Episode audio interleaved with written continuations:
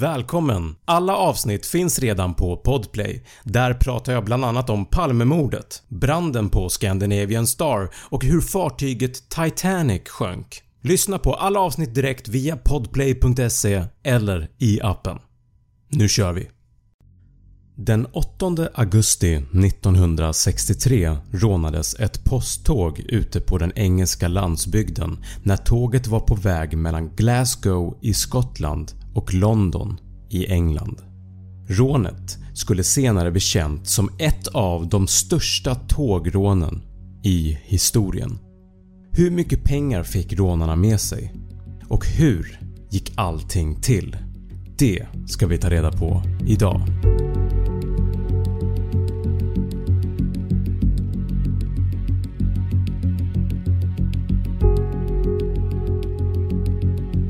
Onsdagen den 7 augusti klockan 18.50 lokal tid stod ett posttåg i Glasgow Central Station i Skottland och skulle strax påbörja sin resa mot Euston Station i London, England.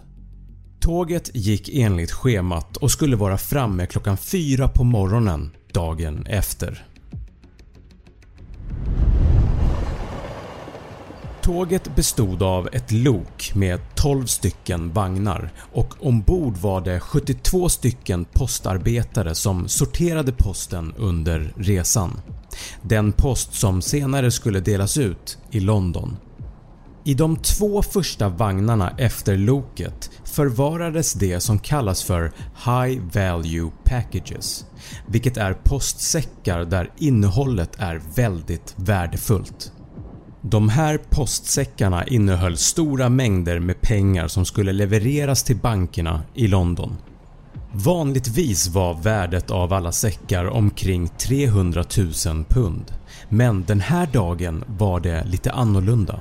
På grund av att den förra helgen var en ledig helg för bankerna så innehöll säckarna den här dagen ett mycket högre värde. Nämligen mellan 2,5 till 3 miljoner pund. Tågresan går som den ska men när klockan slår 03.00 på natten den 8 augusti ser tågföraren Jack Mills 58 år en röd ljussignal lite längre fram på spåret. Han stannar tåget vid Sears Crossing i Ledburn mellan de två tågstationerna Lighton Buzzard och Sheddington.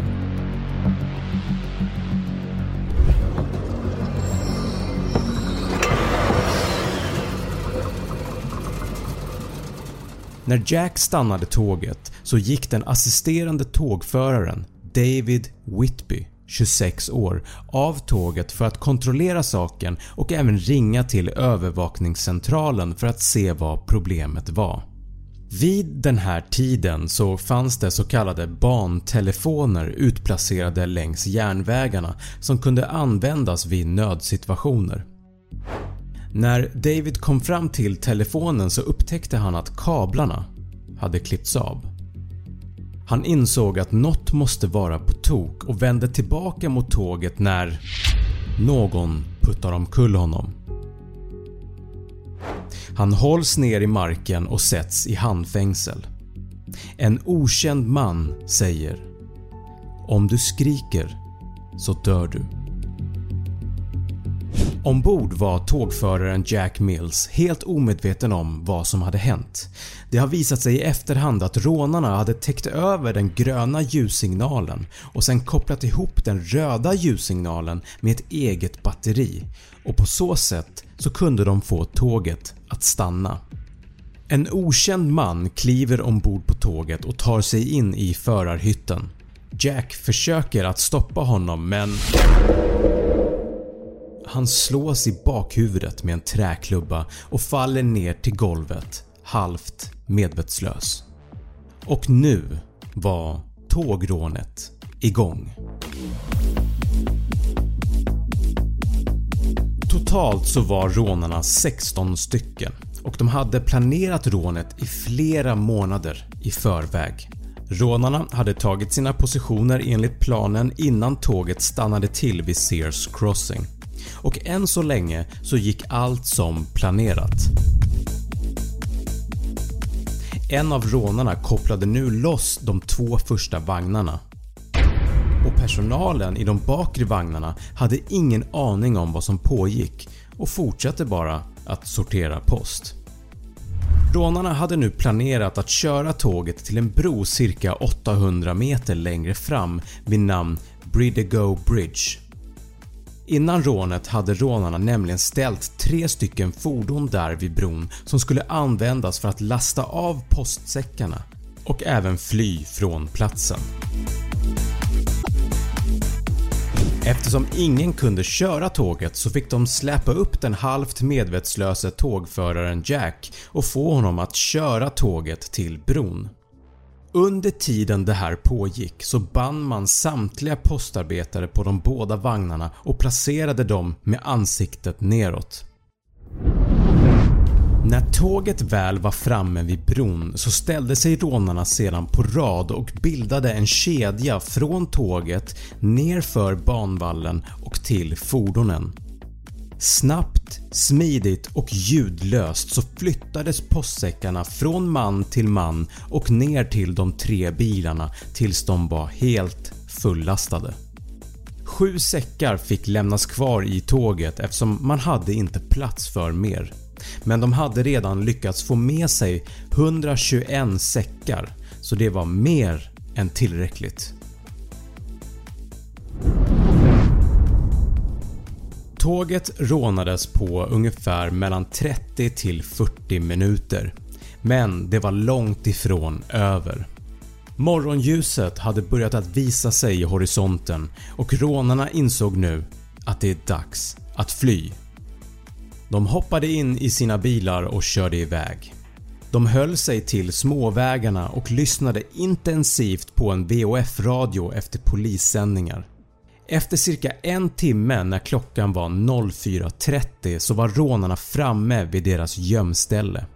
En sliten gammal gård vid namn Leatherslade Farm som de hade köpt två månader innan rånet skulle äga rum. Det var också vid den här tiden 04.30 som de första samtalen om rånet hade kommit in till polisen. Rånarna bar in säckarna i huset på gården och började att räkna dem. Det var mer pengar än vad någon av dem någonsin hade sett. Totalt så var det cirka 2,6 miljoner pund vilket i dagens penningvärde motsvarar cirka 655 miljoner kronor år 2021. De delade upp pengarna mellan varandra och den exakta summan som varje person fick varierar lite från källa till källa men det rör sig om att varje person fick cirka 150 000 pund var vilket motsvarar ungefär 35 miljoner kronor i dagens penningvärde.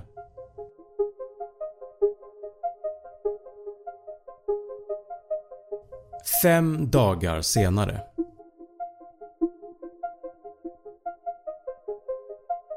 En bonde vid namn John Harris arbetade på en gård i närheten till Leatherslade Farm och tyckte att det var lite konstigt med allt ljud som fördes på den övergivna gården.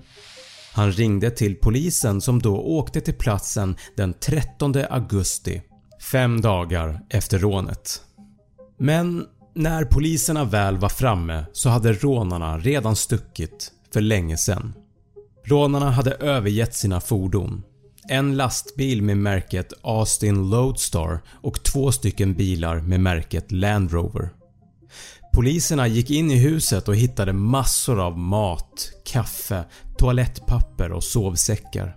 Men också de tomma postsäckarna och den tejp som hade suttit runt sedlarna. Poliserna hittade också ett monopolspel som rånarna hade använt för att fördriva tiden med och spelat med deras stulna pengar. Senare kunde man hitta fingeravtryck på monopolspelet och även en ketchupflaska. Poliserna var såklart väldigt hårt pressade från både media och folket att fånga rånarna så fort som möjligt. Det var ju trots allt lite pinsamt att så pass många hade kommit undan med en sån stor summa med pengar. Men poliserna hade lite tur för med hjälp av fingeravtrycken samt andra ledtrådar som kom in så ledde detta till att rånarna en efter en blev tillfångatagna. och i slutet av 1963 hade 12 av de 16 rånarna blivit arresterade och skulle ställas inför rätta kommande år. Inom de kommande 5 åren så fick polisen även tag i 3 rånare till. Den 16 rånaren, en man som kallas för “The Alterman” var ansvarig för att planera rånet men som aldrig själv deltog. Han hittades aldrig av polisen. Den här mannen blev senare identifierad som Patrick McKenna år 2014 från en av rånarna. Dock så dog Patrick 1992 och kunde aldrig ställas inför rätta. När domen väl föll över rånarna så fick de flesta av dem mellan 20 till 30 år i fängelse. Om ni vill veta mer i detalj exakt vilka rånarna var och vad som hände med dem efter deras dom så kan jag rekommendera att läsa böckerna “Det legendariska tågrånet” av Brian Dan Christensen eller “Det stora tågrånet” av Nordisk kriminalkrönika.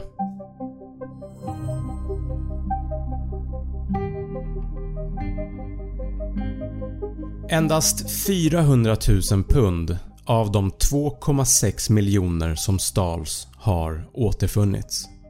Det stora tågrånet var planerat och utfört till perfektion.